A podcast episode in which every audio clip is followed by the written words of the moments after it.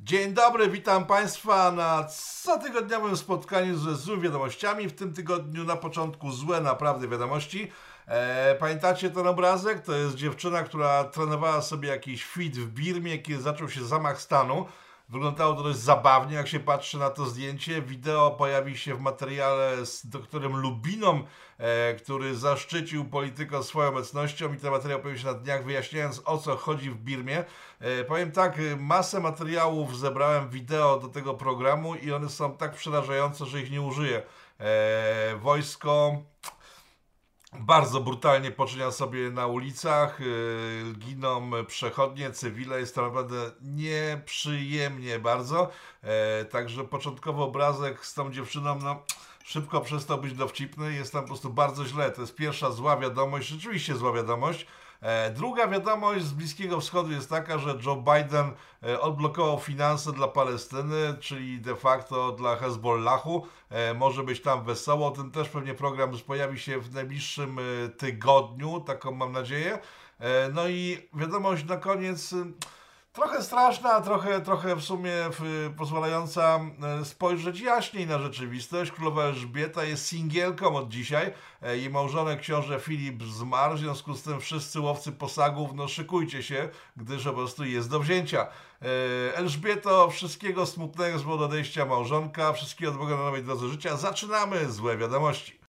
I teraz nie od czego zacząć te wiadomości, dalsze z wiadomości, gdyż one są po prostu wyjątkowo złe, ale takie no złe w złym tego słowa e, znaczeniu. Zacznijmy może od początku zeszłego tygodnia, w sensie kończącego się tygodnia. E, pan Szymon Hołownia, to jest taki wieczny kandydat na wszystkie możliwe urzędy e, w Polsce, miał być prezydentem, trochę mu nie pykło, miał być liderem, no i wyszło, że jest mazgajem. E, pan Hołownia w, przy okazji startu 1 kwietnia systemu informatycznego pozwalającego na zgłaszanie się na szczepienia, e, najpierw urządził tyradę mówiącą o tym, że tak jestem zirytowany, tak jestem wkurzony, jak pewnie dzisiaj wielu z nas. Nie dlatego, że ja się nie zaczynam. Ja mogę poczekać. Tyle czekałem, to będę czekał. Ale dlatego, że żyję w państwie, w którym rządzący nie są w stanie zapanować nad najprostszymi rzeczami. Mówię tutaj o systemie informatycznym, który powinien tak działać i systemie podejmowania decyzji, który powinien tak działać, żeby nie było żadnych wątpliwości co do tego, kto i kiedy swoją szansę na życie mm, w, e, otrzyma.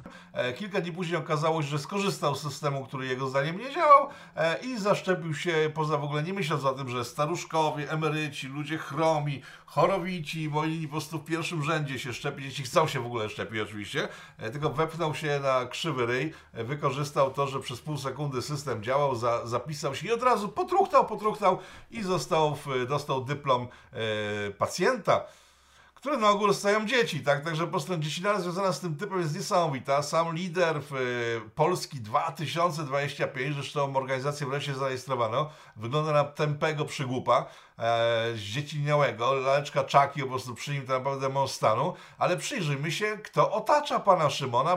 Pierwszą osobą z otoczenia pana Hołowni z tej listy tutaj w KRS-ie wymienionych e, jest pani Zagłoba, bo to chyba gdyby to była ta sama osoba, która też nazywa się Zagłoba i też ma na imię tak samo jak pani Zagłoba, to to chyba byłaby ta pani, która jest jedną z założycielek SLD, wtedy była w czymś, co się nazywało Frakcja Młodych, bo jak wiecie, teraz są Młoda Lewica i tak dalej, zawsze zakładają jakieś młodzieżówki. Więc ona była wtedy młodzieżówką i zakładała SLD. E, później jest jakiś plus tym wszystkim, gdyż wieści mówią o tamtej pani, nie wiem, czy to jest sama pani, o tamtej pani mówią, że ona jest e, bardzo pozytywnie nastawiona do kościoła, co jest pozytywne chyba tak naprawdę w przypadku pana Hołowni, bo on jest taki, staje się antyklerykalny, więc może będzie dla niego jakimś takim, nie wiem, odciążnikiem w kierunku normalności. Jest tak dobrze związana z kościołem, że jeden z księży gdańskich, to są ploty z Gdańska mówiące o tym księdzu, e, odszedł ze stanu księciowego, księżnego, E, duchownego, żeby z nią razem żyć po wieki wieków. Amen. E, to jest słynny ksiądz Witold Bock, który zrezygnował z duszpasterstwa, tam wymieniając różne karkołomne powody, ale w finale sprowadzał się do tego, że spotkał fajną babkę, także wszystkiego dobrego na nowej drodze życia. Po raz drugi w tym programie dla pani e, Zagłoby. SLD, pan Hołownia, e, starzy komuniści ze służb w jego otoczeniu. No wygląda to bardzo dobrze moim zdaniem, bo znaczy to jest bardzo poważna organizacja, bo stare służby były bardzo poważne, więc być może wskazuje to na to, że organizacja pana Hołowni będzie bardzo poważna. Tylko pytanie, dlaczego tak niepoważnego lidera sobie wybrali. E, drugą z osób, które są blisko pana Hołowni według tego drzewka karesowego jest niejaka pani Agnieszka Buczyńska i tak, ona jest z Trójmiasta na pewno. Jeżeli to jest ta pani Buczyńska z Trójmiasta, która w tej chwili ma zarzut prokuratora w związku z organizacją imprezy, na której zginął prezydent Adamowicz, no to profesjonalizmu myślę nie zabraknie w tej ekipie. Profesjonalizm ekipy pana Hołowni doceniają niemieckie media, e, które stwierdziły dzisiaj, dosłownie dzisiaj, Deutsche Welle e, opublikowało dużo obszerny materiał o tym, że pan Hołownia jest wielką nadzieją polskiej polityki. O, no i to wszystko naprawdę dobrze wygląda, bo ma dobre wsparcie medialne. Wszyscy chcą, żeby on wreszcie zajął miejsce mu właściwe, najwyższe nam w możliwych miejsc w całej Polsce. I już się zapaliłem bardzo, żeby na niego zagłosować, ale e, pan Tomasz komentarz na Twitterze e, przypomniał, że to nie pierwszy raz, kiedy Deutsche Welle e, publikuje materiał mówiący o tym, że wielka nadzieja polskiej polityki za chwilę zgarnie całą pulę, bo parę lat temu był to zdaniem Deutsche Welle e, pan Petru, a jeszcze parę wcześniej pan Palikot. Więc jeżeli to tak idziemy takim ciągiem sukcesów tych wszystkich ludzi, to pan Hołownia, myślę, został storpedowany przez Deutsche Welle na samym początku jego kariery. Przypominam, że pan Hołownia zachował się jak rasowy, początkujący polityk i parę miesięcy temu wyciął w pień wszystkich ludzi, którzy tworzyli jego ugrupowanie oddolnie. Ci wszyscy zwykli, normalni, naiwni ludzie, którzy się nie do końca znają na polityce, ale chcą jakichś zmian, zostali wycięci, zdaje się, z początkiem lutego, o czym był osobny program Polityko. Odsyłam do archiwów Polityko, tam to wszystko znajdziecie. E, kończymy z panem Hołownią, bo on się chyba skończył, zanim się zaczął. Aczkolwiek ludzie, którzy pompują w niego pieniądze, myślę, że nie są skończonymi durniami i muszą być jakieś badania opinii publicznej, i te badania wskazują na to, że w Polsce jest naprawdę spore grono ludzi pozbawionych mózgów, którzy na tego typu wynalazek mogą zagłosować. E, jak będzie, zobaczymy. Chwilowo pan Hołownia pod górę, no ale ma dyplom, ma pierwsze osiągnięcie na swojej karierze politycznej, ma, ma dyplom dzielnego pacjenta i to naprawdę jest takie wzruszające. Tematem, który pojawił się dosłownie dzisiaj, przeddzień rocznicy wielkiej narodowej tragedii, e, jest gwałt, którego Jakob miał się dopuścić, takim e, klon pana Jacka Wójcickiego z, e, z klubu pod baranami, z fizy pod baranami. Ten pan na zdjęciu jest jakiś wykładowca Uniwersytetu Warszawskiego i został dzisiaj oskarżony przez grupę antyfaszystów z Uniwersytetu Warszawskiego o to, że kiedyś, nie jest powiedziane kiedy w sumie, bo to było bardzo dawno temu, miał zgwałcić swoją studentkę. E, I to wyjątkowo strasznie wyglądało na samym początku. E, zaczęto mu wyciągać biednemu człowiekowi, że on pracuje dla Okopres. Okopres się od razu go pozbyło, zawiesiło go, zrywało z nim kontakty. Nie chce mieć nic wspólnego z tym panem. I no, bo to jest obrzydliwe, tak? Wykładowca gwałcący studentkę, wykorzystujący swoją e, przewagę związaną z tym, że jest mężczyzną, a w jego przypadku, jak się patrzy na zdjęcie, to chuchro, nie wiem, Czy mogłoby cokolwiek zrobić bardziej gwałtownego bez rozsypania się w pył, ale nie bronię go absolutnie. E, sytuacja, w której wykładowca akademicki sypia ze studentkami jest bardzo słaba, to na pewno. E, czy doszło, jeżeli doszło do gwałtu faktycznie, to to jest karygodne absolutnie i tutaj się pewnie wszyscy zgadzamy. Tyle, że w chwili, kiedy opadł pierwszy kurz dzisiejszego poranka, zaczęły się pojawiać e, fragmenty rozmów i wywiady z, z panem wykładowcą i z panią, która miała zostać zgwałcona. No i tutaj zaczęły się schody.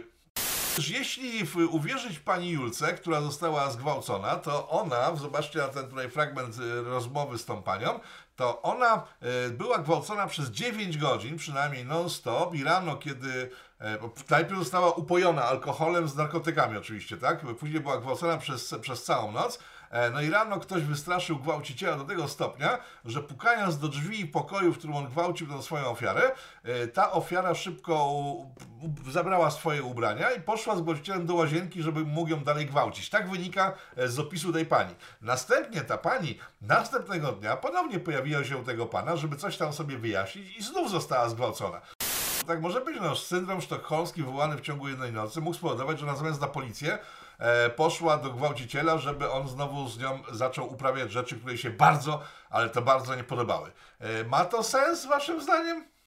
No nie ma sensu, jeżeli spojrzymy na następny wywiad, którego udzieliła innemu medium. W jednym medium powiedziała, że przyszła do niego wyjaśnić sprawę, ale już w innym medium, chyba czymś zapomniała, co mówiła poprzednim, powiedziała, że skontaktowała się z nim poprzez Facebooka, że wyjaśnić sprawę. I on ją zgwałcił przez tego Facebooka? No nie wiem, czy to jest możliwe. No generalnie sytuacja wygląda dość podejrzanie, tym bardziej, że ta pani sobie o gwałcie przypomniała dobre parę miesięcy później. Jak widzicie w fragmencie drugim tego drugiego wywiadu, jest to związane z jej chłopakiem. Więc teraz tak, fakty mamy za sobą i teraz ja stawiam swoją tezę co do tej całej sytuacji. Eee, doszło do zbliżenia na pewno, bo ten pan wykładowca powiedział, że się zbliżył z tą swoją studentką. Eee, przyszła do niego na poprawkę następnego dnia i też doszło do, znowu do poprawienia e, stosunków między nimi. I to wszystko jest faktem na pewno. Czy doszło do gwałtu? Myślę, że kluczem jest tutaj chłopak tej dziewczyny, o którym ona wspomina w, w swoich rozmowach. I myślę, że wyglądało to tak, że facet się zorientował, że jego dziewczyna stuka się ze swoim wykładowcą, w związku z tym zrobił jej aferę, a ona mówi tak, nie, nie, nie, nie, to nie tak, kochany, bo po prostu mnie zgwałcił. Zgwałcił? No zgwałcił. Dlaczego to nie zgłosiłaś? Bo teraz sobie o tym przypomniałam. Teraz po prostu pójdę do antyfaszystów z Uniwersytetu Warszawskiego i powiem im, że tak się stało. No i tak się stało, że antyfaszyści przeatakowali typa pracującego dla Okopres. Z tego można wysnuć wniosek, że w Okopres pracują faszyści. Taka sytuacja, dzisiejsza afera, krótka myśl, że skończy się tak, jak te pozostałe afery związane z seksualnością w wykonaniu dziennikarzy e, krytyki politycznej Gazety Wyborczej oskarżony swego czasu o straszne gwałty. W finale e, gwałcone wycofały się z gwałtów, o, o które oskarżały swoich oprawców i wszyscy żyją szczęśliwie dalej w swoim szczęśliwym stadle. Co ciekawe w tym wszystkim jest to, że ze strony prawicy takich sytuacji zbyt wiele nie ma. Nie to, że nie ma ich w ogóle, ale jest ich dość mało, tak? E, może się lepiej kryją, może ich baby są bardziej zastraszone, bo oni przecież są faszystami, tak? Ale z drugiej strony, patrząc na lewicę, to te sytuacje związane z molestingiem są u nich permanentne, tak? Pani Dunin molestując jakiegoś typa, który w finale został homoseksualistą, e, ci, ci chłopcy z krytyki politycznej, z wyborczej, znani pisarze lewicowi. Teraz ta sytuacja z Okiem Press no nie wygląda to dobrze, ale też daje taki asumpt do myślenia o tym, że e, strona konfliktu politycznego w Polsce, która zarabia pieniądze na przemocy wobec kobiet, czyli lewica, która ciągle po prostu walczy o to, że przemocy nie było, wie o czym mówi, bo na tej lewicy ta przemoc jest chyba czymś permanentnym. Skoro jak tylko wyskakuje jakaś sytuacja, to na jedną sytuację, na przykład z takim panem Piętą, ale to też nie był molestnik, tylko zwykła zdrada, albo z tą panią, przed którą się Suski rozbierał. Nie, Boże, nie chcę tego widzieć. E, przed Suskim się rozbierała. To nie są rzeczy takie związane z... To, to normalni ludzie, w sensie, no... Może zaawansowani wiekowo i wygląda to mało estetycznie, ale jednak są normalne sytuacje. A tutaj są normalne gwałty. Tam chyba był jakiś typ z PiSu, który tłukł swoją żonę i gwałcił. No to, jeżeli pamiętacie takie przypadki, to ja po prostu chyba zbiorę to kupi, zrobimy ranking. Kto jest lepszy w molestingu, lewica czy prawica? Skoro jesteśmy przy Uniwersytecie Warszawskim, czyli sferach naukowych, inteligencji polskiej, elitach intelektualnych naszego kraju, to Okopres, tak, jesteśmy, Okopres ma jakiś dobry tydzień w tym tygodniu. E, Okopres y, z ustami, piórem pana profesora Duszyńskiego, nie wiem kim jest, ale jest profesorem na pewno, e, opublikowało materiał, z którego wynikało, że Ministerstwo Nauki pod rządami faszystów chce zlikwidować e, Polską Akademię Nauk, PAN tak zwany, tak? E, nie wiem jak do tego doszli, bo z materiału, który opublikowali, nie wynikało nic takiego. Tam były tylko informacje o tym, że e, faszyści chcą stworzyć specjalny nowy organ związany z nauką, że wreszcie zaprowadzić porządek bo ten pan, jak się tak przyjrzysz panowi, tak się przyjrzałem właśnie przy okazji tej sprawy panowi, to nie ma jakichś wielkich osiągnięć. Średnia wieku tam jest 80 lat, e, nie mają większych osiągnięć. Sobie zanotowałem jedyną komórkę, jaką wychwyciłem, która cokolwiek fajnego robi, to jest y, centrum astronomiczne, to nie mają jakieś wyniki, ale to nie ma, jesteśmy w rankingu na samym końcu e, puli światowej, także ten pan powinien zostać rozwiązany, nie wiem dlaczego, po prostu Ministerstwo Nauki jeszcze tego nie zrobiło i nie chce tego zrobić, tylko tworzy osobną komórkę będzie wydawać pieniądze na jedno i na drugie. Okej. Okay. Ale pan Duszyński razem z Okopres doszli do wniosku, że pan będzie likwidowany i to jest wielka afera i atak na polską naukę, która jak wiecie jest najwyżej z swojej historii w rankingach, czyli gdzieś tam 500-600 miejsc e, od początku zajmujemy jako nauka polska. E, no więc atak na polską naukę, która zajmuje ostatnie miejsce we wszystkich rankingach, no mógłby się przydarzyć wreszcie, bo to chyba trzeba jakiś porządek z tym zrobić. Ale do czego zmierzam? Przy okazji tego, jak ta e, Okopres, ja bardzo dziękuję Okopres, wy jesteście naprawdę obłędnie fajni, bo e, co tylko coś piszecie, że jest aferą, to tak sobie wchodzę i czytam, co mówicie i sprawdzam i na przykład w przypadku panu zobaczyłem taką oto rzecz. Wchodzę na główną stronę panów, wpiszcie sobie pan.pl, tam nie ma nic, żadnej informacji o działalności panów, to trzeba kliknąć pierwszy link, później drugi to jest informacja publiczna, a trzeci Uwierzylibyście, że pan zajmuje się handlem nieruchomościami? No więc sytuacja wygląda chyba tak, że e, panowie z panu, wyczuwając, że coś się może zmienić w ich statucie materialnym w związku z tym, że pan no, nie przynosi zysków, e, pochłania pieniądze, więc pewnie ktoś to wreszcie zaorze, zaczęli handlować nieruchomościami. A mają ich całkiem sporo. Mają fajny budynek w Paryżu, mają w Wiedniu, mają mnóstwo tych nieruchomości i zaczęli nimi handlować. I to jest taki, taki trochę Balcerowicz bis, tak, bo to za czasów Balcerowicza Leszka, e, człowieka, którego lewica określa mianem Mengele polskiej gospodarki, tak, to prawda, zobaczcie obrazek. E, Młoda lewica tak go określiła, szybko się z tego wycofali, nie wiem dlaczego, bo oni mieli rację w tym przypadku, no więc e, w przypadku menu e, ci Mengele polskiej nauki wyprowadzają chyba w tej chwili hajs, sprzedając nieruchomości. Na grzyba nie wiem, przecież są dotowani przez państwo, tak, w związku z tym nie potrzebują pieniędzy. Ale może te pieniądze są potrzebne na inne rzeczy, no, ale nie wiem, nie wiem, nie, to, nie, mnie, to nie mnie doczekać tak naprawdę, E, a to, że się zajmą tym odpowiednie służby, no jak zwykle wątpię bardzo, bo przecież to jest normalne w naszym kraju, że ktoś, kto ma państwową własność, ją rozprowadza po pociotkach, zarabia za tym ciężkie pieniądze. Tylko, że to muszę być niezły ubytek. Średnio 80 lat, jak powiedziałem, w tym całym, całym panie, a oni jeszcze kombinują, kurczę, jak koń pod górę, że było, żyło się im jeszcze lepiej. Duży szacunek, panowie staruszkowie, naprawdę ogromny. Miał być w tym odcinku o Izraelu i teraz oczywiście na specjalne życzenie widzów PIT-u puszczamy klip. Żydzi. No tak, Żydzi, Żydzi. Skończyliśmy puszczanie klipu. Izrael pojawia się w przeglądzie złych wiadomości. Zła, dobra wiadomość jest taka, że państwo Izrael postanowiło stać się republiką bananową.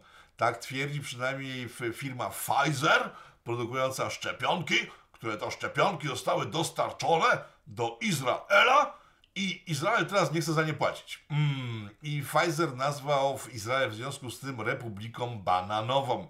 E, Myślę sobie tak, nie wiem gdzie leży prawda, czy faktycznie Pfizer dostarczył lewe szczepionki niedziałające, e, bo to w Europie jest przykryte kompletnie przez kwestię szczepionki brytyjskiej, która się okazała bardzo zła, e, ale nie wiem gdzie jest prawda, czy Pfizer dostarczył złe szczepionki, czy Izrael nie chce płacić, ale myślę sobie, że niezależnie od wszystkiego, w chwili kiedy firma Pfizer nazywa e, państwo Izrael banową republiką, to wiem, kto zapłaci odszkodowanie, kto zapłaci komu odszkodowanie, tak? No bo skoro my, Polacy, nie mordując Żydów w czasie wojny systemowo, mamy płacić im odszkodowanie, to dlaczego firma Pfizer nie miałaby zapłacić odszkodowania za to, że nie dostała pieniędzy za szczepionki? Przecież to logiczne jest, tak? W końcu to jest Izrael.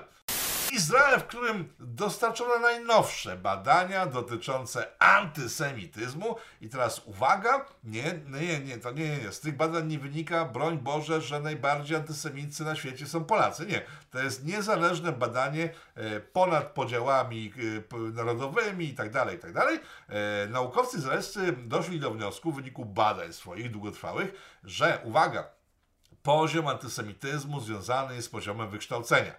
I teraz uwaga, pytanie. Waszym zdaniem, kto jest bardziej antysemicki? Mniej wykształceni czy dobrze wykształceni? No, padło kilka dobrych odpowiedzi. Oczywiście, że lepiej wykształceni. Z tych badań wynika, że im ktoś jest lepiej wykształcony, im ma większą wiedzę historyczną, im ma większą wiedzę o świecie, tym jest bardziej antysemicki. No to są badania izraelskie, tak? E, Co wskazuje na to, że im lepiej ktoś kojarzy rzeczywistość, im więcej wie z historii, im więcej wie o systemie działania rzeczywistości, tym bardziej nie lubi narodu wybranego. E, Czy ktoś jest zaskoczony? E, Słucham? No tak, nie sądzę. Warszawy dopadła klęska urodzaju. E, chodzi oczywiście o śmieci, które to śmieci, cena za śmieci, opłaty za śmieci zostały powiązane przez pana Trzaskowskiego e, z wodą, jaką używają mieszkańcy miasta stołecznego. Czyli im więcej wody zużywają, tym więcej płacą za śmieci.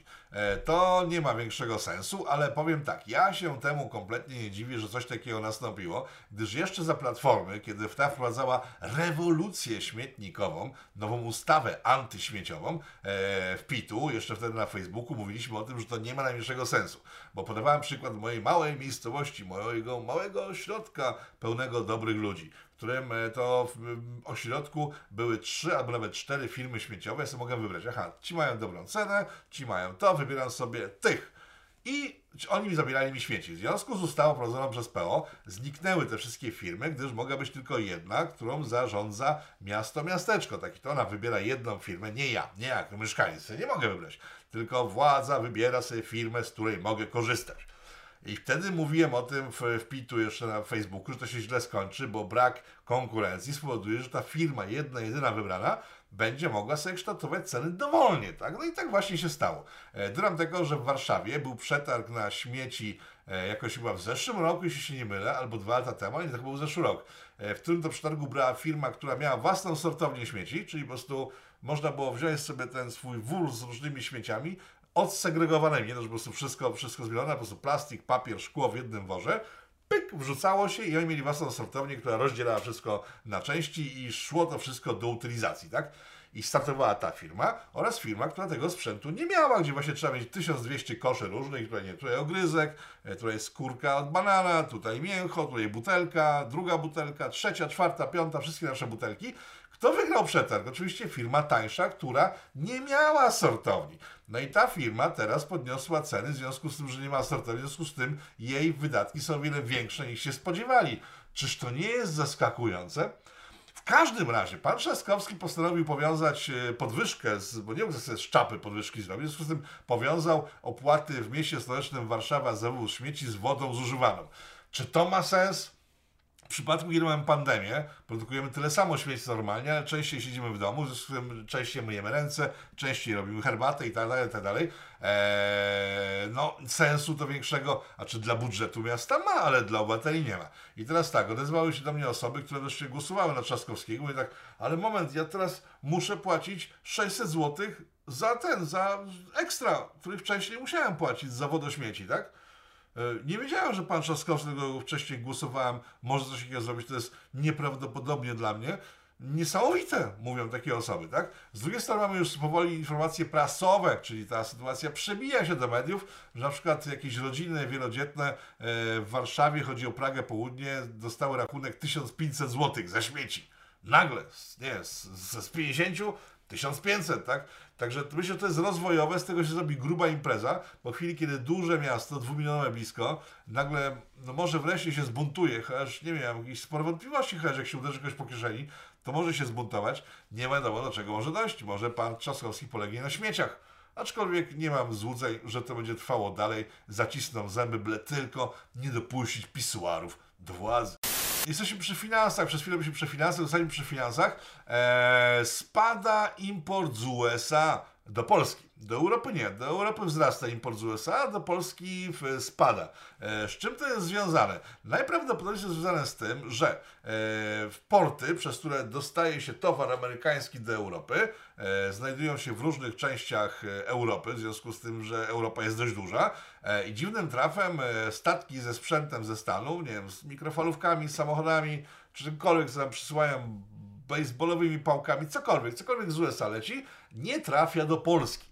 Tylko trafia do Hamburga, ewentualnie do jakichś portów holenderskich. I teraz powstaje pytanie, dlaczego? Bo będzie nas przed ekranem e, siedzi sobie jakiś ekspert rządowy i myśli, ho, ho, ho, no ciekawe jak to wytłumaczysz, przecież to jest nierozwiązywalny problem, siedzi nad tym cała komórka naszego rządu i myślimy, myślimy i nie możemy nic wymyślić, no to powiedz o Tokio. No to mówię, sytuacja jest prosta. Jeżeli coś wysyłacie z USA do Hamburga, do Niemiec generalnie, albo do w, Holandii, to to przypływa do portu, wyciągacie kwit, to kosztowało 200 dolarów.